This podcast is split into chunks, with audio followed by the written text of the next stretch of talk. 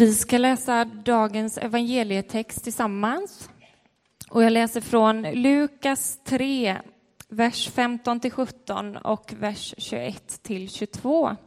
Och vi kan stå upp tillsammans när vi läser texten. Folket var fyllt av förväntan och alla frågade sig om inte Johannes kunde vara Messias. Men han svarade dem alla. Jag döper er med vatten, men det kommer en som är starkare än jag och jag är inte värdig att knyta upp hans sandalremmar. Han ska döpa er med helig ande och eld. Han har kastskoven i handen för att rensa den tröskade säden och samla vetet i sin lada. Men agnarna ska han bränna i en eld som aldrig slocknar. När nu allt folket lät döpa sig och Jesus också hade blivit döpt och stod och bad öppnade sig himlen och den heliga anden kom ner över honom i en duvas skepnad och en röst hördes från himlen. Du är min älskade son, du är min utvalde. Så lyder det heliga evangeliet. Lovad vare du, Kristus. Det ligger i luften. Någonting är på gång. Så kan stämningen av förväntan beskrivas. Det ligger i luften. Någonting är på gång. Efter att grundligt ha satt sig in i de stora händelserna som skett runt omkring dem och som människor pratade om, så var det Lukas evangeliets författares intention att skriva ner dem i rätt ordning, detta med Jesus, för att de som läser ska förstå att det är tillförlitligt. Så börjar Lukas evangeliet och där finner vi dagens text. Den förväntan som finns bland folket och som ligger i luften leder till en fråga. Kan Johannes vara Messias? Johannes som hade samlat massor med människor, människor omkring sig, döpt dem efter att predikat syndernas förlåtelse genom omvändelse och dop. Kan han vara Messias? I detta momentum möjligheter till status och kultförklaring svarar Johannes på frågan. Även han är förväntansfull, men på att någon annan ska komma som ska döpa med helig ande och eld. Och när han kommer, som Johannes sig inte anser sig vara värdig att knyta upp hans sandalremmar på, då ska han göra någonting nytt. Billigt talat ska han ta kastskoven, kasta upp kornet mot vinden och då ska agnarna blåsa bort medan kärnan faller ner på marken. Han ska göra någonting nytt. Detta är ett löfte, inget hot. Då han som kommer inte kom för att döma världen utan för att rädda världen. Rensningen av agnarna och vetet går igenom allt och alla, även genom mig.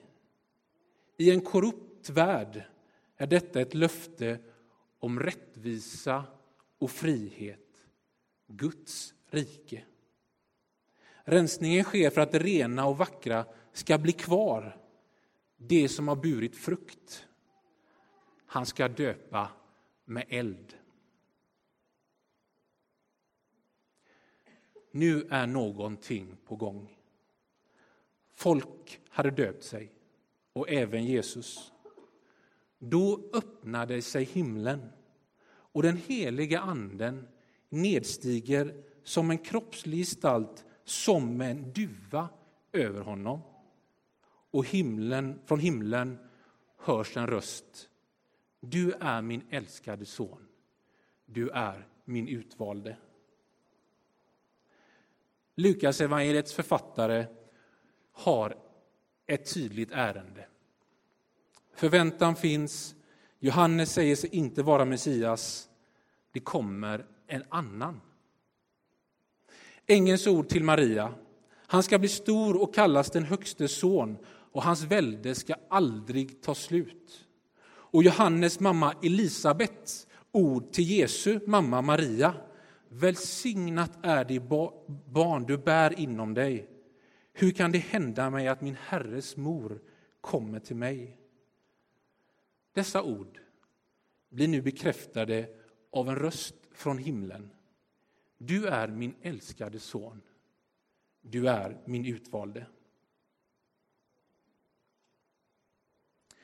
Det pågår ett samtal om olika argument för eller emot Guds existens. Ett, ett viktigt samtal. Och samtalet kring dem klassiska gudsbevisen kan vara vägar till visshet om Guds existens. Men gudsbevisen kan ifrågasättas. Man kan ifrågasätta Lukasevangeliets trovärdighet. Men dess syfte är att visa att Jesus är Messias och vägen till visshet om Guds existens. Kristen tros starkaste argument för Guds existens är Jesus. Att Jesus är den som rösten från himlen bekräftade. Du är min utvalde.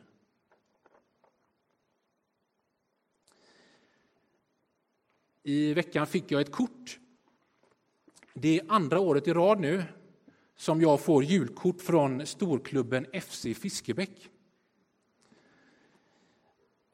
Blir du orolig, jag har aldrig hört talas om den, så var det ironi. Det är ingen storklubb, utan en väldigt lokal klubb. Eh, ett fotbollslag som jag spelar några säsonger med. Och jag märker hur otroligt glad jag blir över detta julkortet. Jag har även fått det skickat hit till Saron, så det kommer liksom väldigt oväntat. Vilket nog gör att jag blir lite extra glad. Men det är så att jag blir ett barn när jag får det. Och det är inte fel. Då står det så här. Mange och Therese, Therese är min fru. Hoppas du får ett par nya kåpa av Therese nu julklapp. Det är ett par fot fotbollsskor, det är ett märke på det. Och sen står det tack för ikonstatus och viktiga matcher. Hashtag hjälte. Hashtag fri roll. Hashtag långskott. Hashtag god jul. Hashtag kåpa igen. Och så hashtag gott nytt. FC Fiskebäck. Det är sant, jag ljuger inte.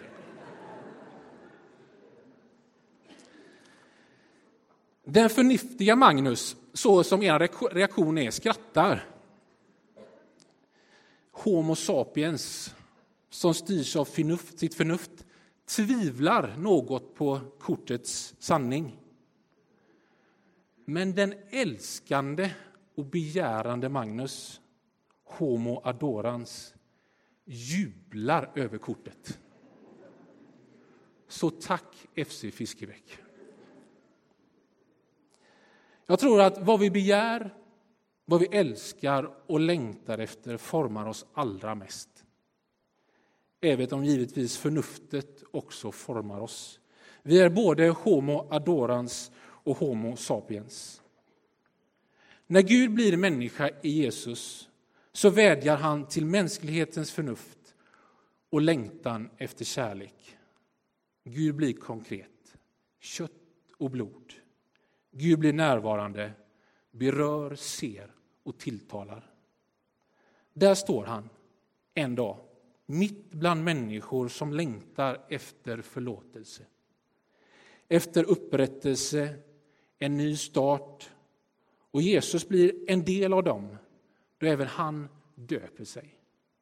Men ändå skiljer han sig. För himlen öppnas och rösten hörs. Han är där. Han som ska döpa med helig ande och eld. Mitt bland folket så gör det sig den heliga treenigheten känd. Sonen döps. Den helige ande tar en kroppslig gestalt som en duva och Faderns röst hörs. Gud är ett väsen, men samtidigt tre personer. Ja, Vi snackar om ett gudomligt mysterium. En, men ändå tre. Tre personer i ett väsen. Så att döpas med den helige Ande är att bli döpt in i det gudomliga. I Faderns och Sonens och i den helige Andes namn. Man blir en del av det gudomliga. Man får ta del av det gudomliga. Man blir inbjuden till den gudomliga gemenskapen. Så när himlen öppnar sig så öppnar sig den också för oss. Så när den helige Ande kommer över Jesus vill den också komma över oss. Så när Faderns röst hörs från himlen, du är min älskade son, du är min utvalde, så säger Fadern det även till oss. Det här kan ju vara svårt att tro på, svårt att ta till sig. Men det är på det sättet Messias räddar oss. Vi bjuds in till gemenskap med Gud. Gud försonar sig med världen genom sin son. Jesu liv blir vårt liv. På julafton så firade vi jul tillsammans, några stycken här i Saron, nere i brunnen. En eh, fin blandning människor och det var fantastiskt roligt. Och när jag stod i brunnen och tittade över dessa människor så blev jag otroligt glad. Människor som bor i samma stad, men med olika förutsättningar. Som jag, uppvuxen här i Göteborg. Tonåringar som ensam flytt till Sverige. Familjer som inte har fått uppehållstillstånd men ändå väljer att vara kvar av olika anledningar och lever under enormt tuff press. Och människor som har flytt hit från kriget i Syrien. Vi har olika förutsättningar, olika berättelser. Men inför julens budskap om att Messias föds så är vi precis samma. Jesus vill vara allas Messias. Jesus bjuder in alla till den gudomliga gemenskapen. Alla kan få bli del av det gudomliga. Alla får ta del av det gudomliga. För Faderns röst säger till alla du är min älskade. I Guds gemenskap säger Fadern till oss, du är min älskade. Men det säger inte Fadern bara till alla, utan också till alla olika livets skeenden. Alltid. I ljus och i mörker, i svenssonliv och i utanförskap. Då blir det kvar av en människa när allting skalas bort. När sjukdom och smärta tar över. När du inte längre har något yttre som kan identifiera dig. I en kristen världsbild så är vi alltid Guds älskade.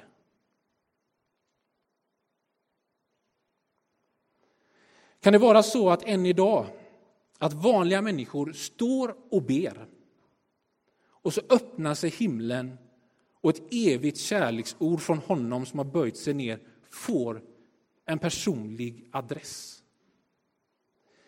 I en blogg på Nöjesguiden skriver Sonja om sin första jul som kristen med rubriken Fem spännande saker jag inte visste om om kristendomen.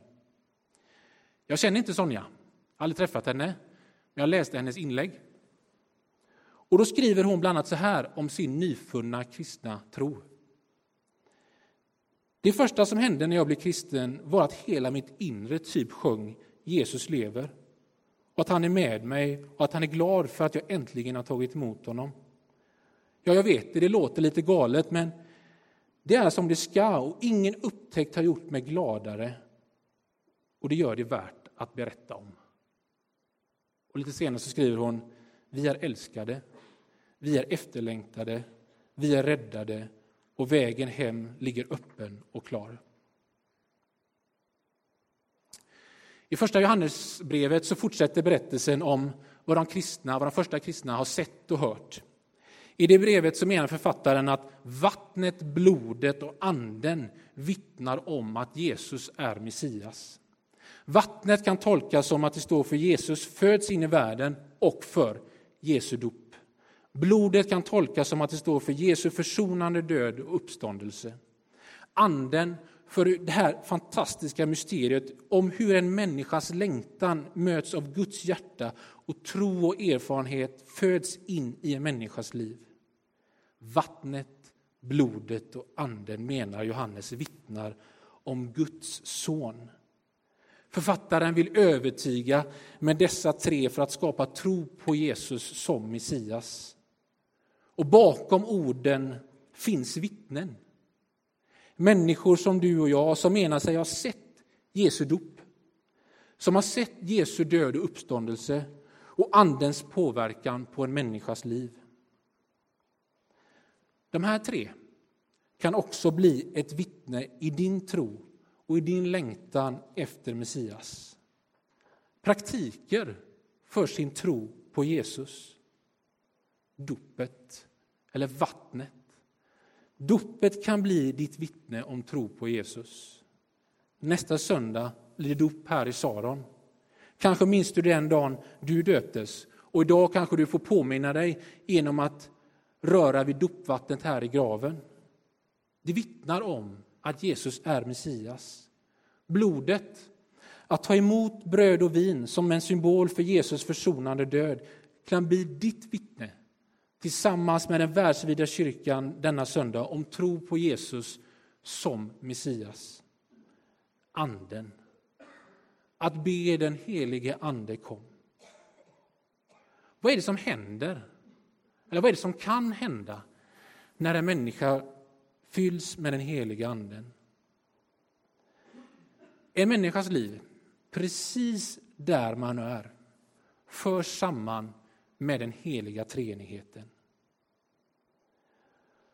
Och då blir det väldigt svårt att förklara. För ska man förklara så börjar man direkt jämföra med den förklaringen som jag ger er framme. Ja, men är det så det ska upplevas? Men när en människas liv förs samman med den heliga treenigheten, då händer någonting vackert. För det är frihet. Vi blir mer av oss själva.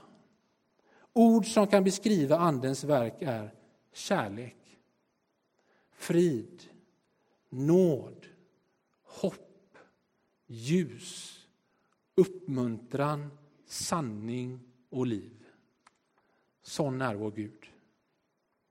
Och kanske är detta något som du, någon av oss här inne idag, kommer uppleva första gången. Eller så är det kanske så att idag så förstår du att det är Guds ande som försöker leda dig in i gemenskap med honom. För du har känt av detta i ditt liv. Att be helige ande kom kan bli ditt vittne att tro på Jesus. Till sist. Det fanns en förväntan bland folket. Johannes, är du Messias? Nej, säger Johannes. Det kommer annan som ska döpa er med helig ande och eld. Och när folket var samlat så stod där den andre.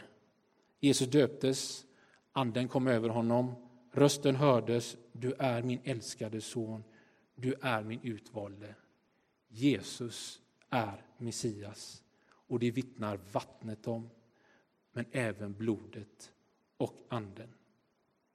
Dopet, nattvarden och Andens vackra verk får idag vittna för oss om det som en dag hände mitt ibland folk som oss när Jesus döptes. Amen.